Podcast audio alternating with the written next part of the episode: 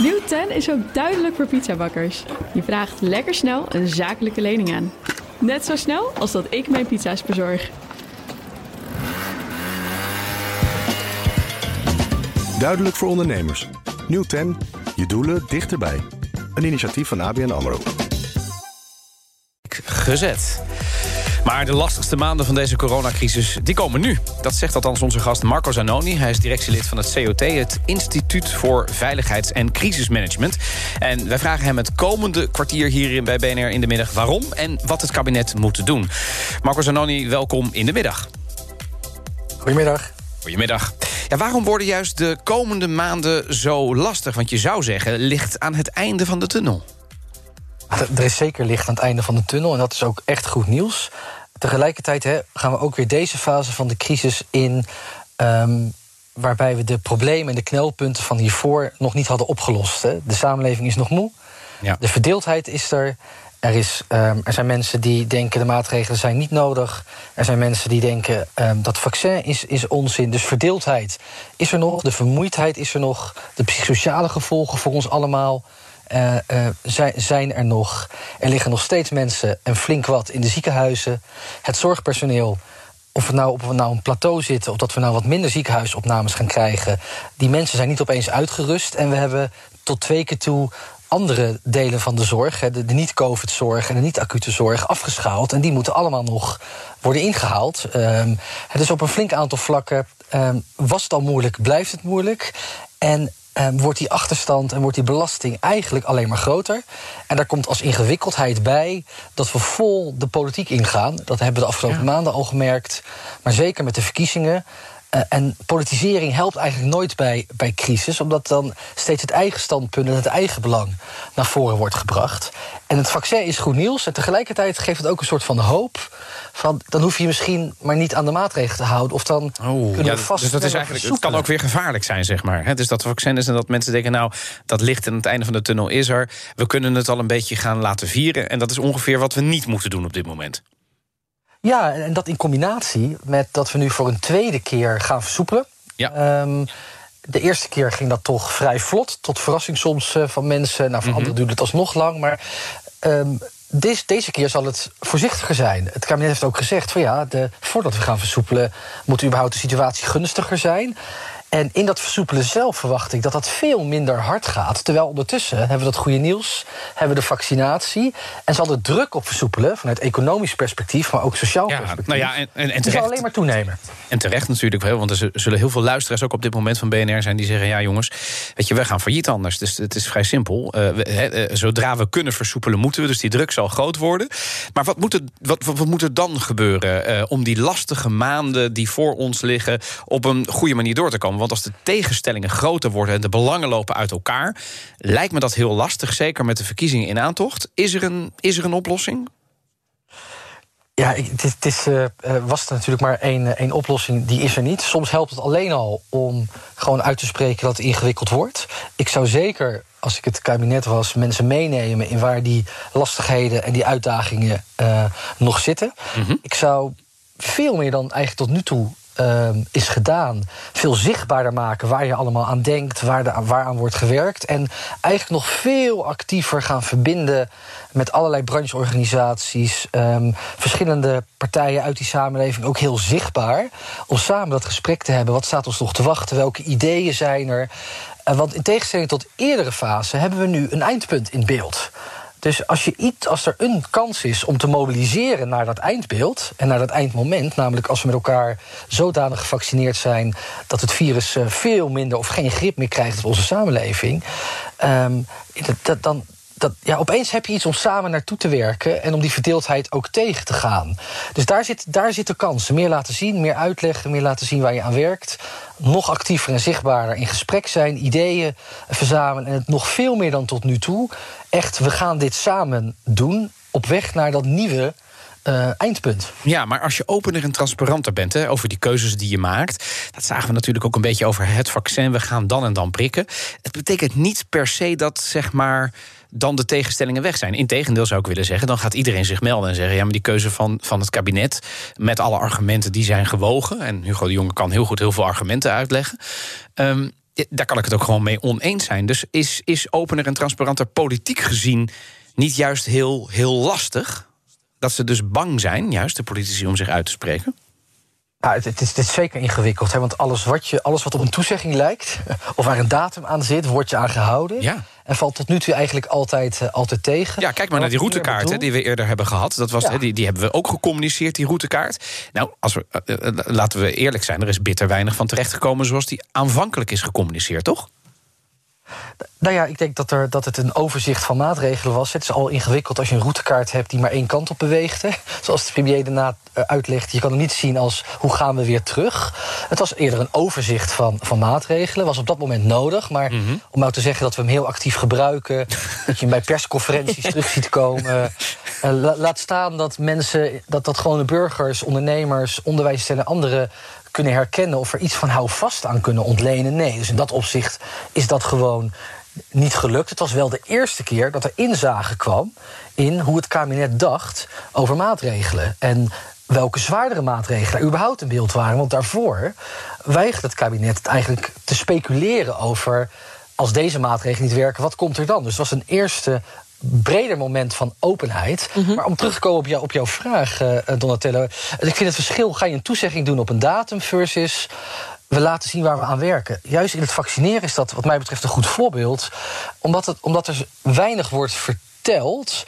ehm, en wat je dan wel hoort van... Ja, wat, moeten ze, wat zou Hugo de Jonge nog meer moeten vertellen dan? Nou, ik, ik denk dat dan gaat het dus niet over... we zijn er klaar voor of het is op die datum... Uh-huh. Uh, maar als je laat zien, kijk, hier wordt aan gewerkt. We, zijn scenario's aan het uitdenken, er zijn draaiboeken. Op dit moment zijn alle GGD'en dit, dit en dit aan het doen. Um, we zijn die locaties aan het zoeken, we zijn vrijwilligers aan het, aan het werven. Wat je nu vaak kreeg, is dat mensen zeiden van ja, is er nog iemand nodig? Uh, waar kan ik me melden? Zijn er nog vrijwilligers nodig? Wat worden de locaties straks? Ja. Dus er gebeurt heel veel achter de schermen. Ja, maar, maar Marco, zou je niet ook vooral dat, dat, dat toekomstbeeld moeten schetsen? En eigenlijk nu al. Want anders zit je, hè, ik hoor jou, maar dan zit je dus heel erg op, uh, op, het, op microniveau bijna. Hè? Van nou, wat, wat, wat doen we nu, wat doen we morgen? Maar het belangrijkste is natuurlijk onder welke voorwaarden gaat de samenleving straks weer open? We hebben het Red Team aan de ene kant, die zeggen... nou, als het aantal besmettingen bijna nul is, ik chargeer even... aan de andere kant hebben we Herstel NL... En die zeggen, nou nee, uh, we zijn ooit begonnen met de gedachte...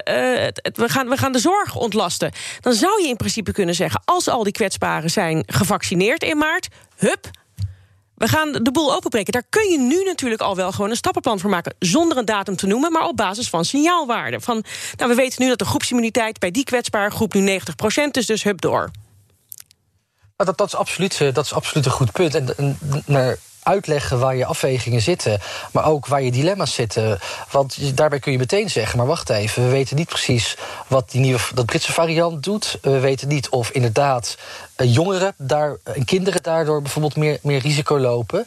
Uh, maar als je nu al weet dat je gaat zeggen: wacht even, wij gaan dat niet doen. Hè? Wij gaan niet als die kwetsbare groep gevaccineerd is. Dat is voor ons geen teken voor een snelle versoepeling, dan kan je dat inderdaad nu maar beter meegeven. Dan op dat moment mensen verrassen die dan hopen: oh, gelukkig, het is bijna maart of april, nieuwe persconferentie. Nu zal toch dat goede nieuws komen. Ja, maar ja, en, en dat niet alleen. Ik denk dat je ook daarmee zo'n discussie voorkomt, als dat nu ook weer gebeurd is. Hè, eerst met het testen en nu weer met het vaccineren. Dat allerlei uh, uh, groepen, politieagenten, leraren ook gaan roepen: wij willen ook.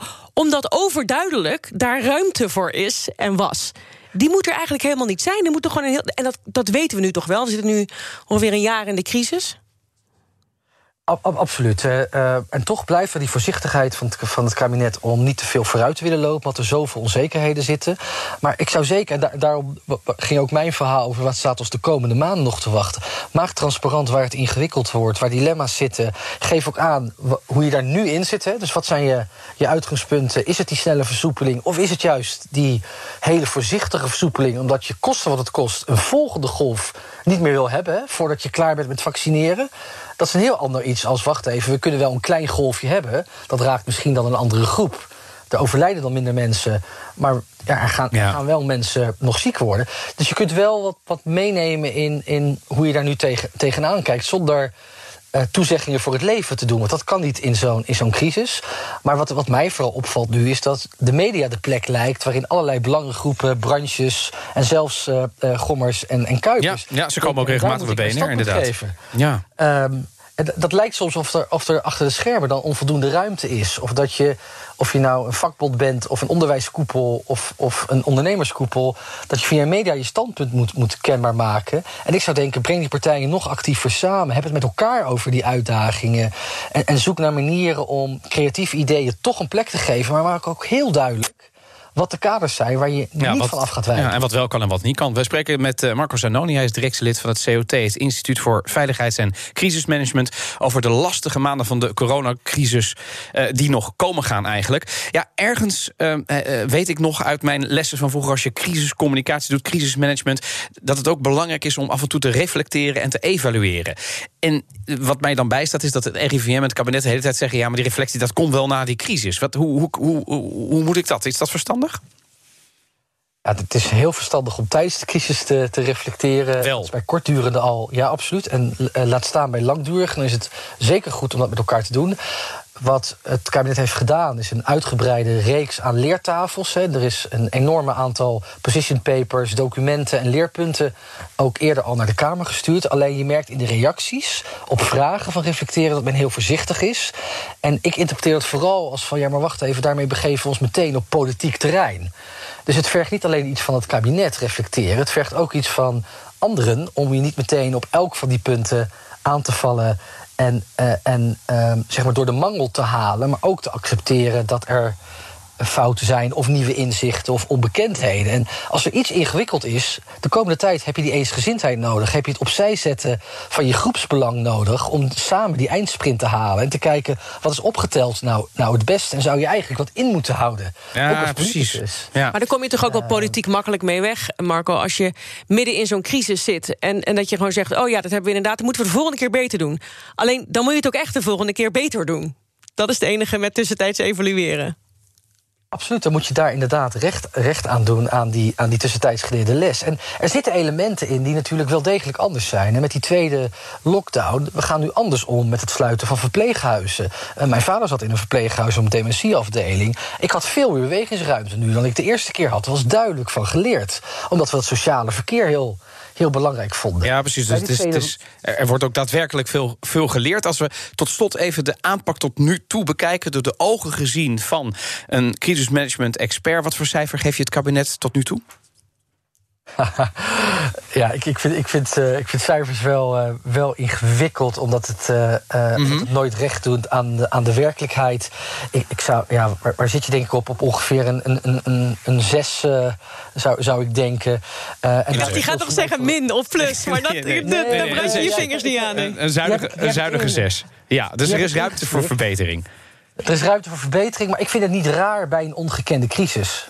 Dus ik vind een 6 helemaal niet zo raar in hele moeilijke, moeilijke omstandigheden. Ik denk wel dat het kabinet zichzelf soms het onnodig moeilijk maakt. In de communicatie, in de toezeggingen, in het wat verdedigende en in het niet vooruit willen kijken of hardop dingen willen uitspreken. Juist naar een soort voorzichtigheid. Dan lijkt alles reactief en lijkt je door alles verrast. Terwijl als je achter de schermen kijkt, er al lang over al die vraagstukken werd nagedacht. Ja, precies. Dus da daar kunnen ze echt ja. wel veel meer proactiviteit gebruiken. We spraken Marco Zanoni, directielid van het COT, het Instituut voor Veiligheids- en Crisismanagement. Nieuw 10 is ook duidelijk voor pizzabakkers. Je vraagt lekker snel een zakelijke lening aan. Net zo snel als dat ik mijn pizza's bezorg. Duidelijk voor ondernemers. Nieuw 10, je doelen dichterbij. Een initiatief van ABN AMRO.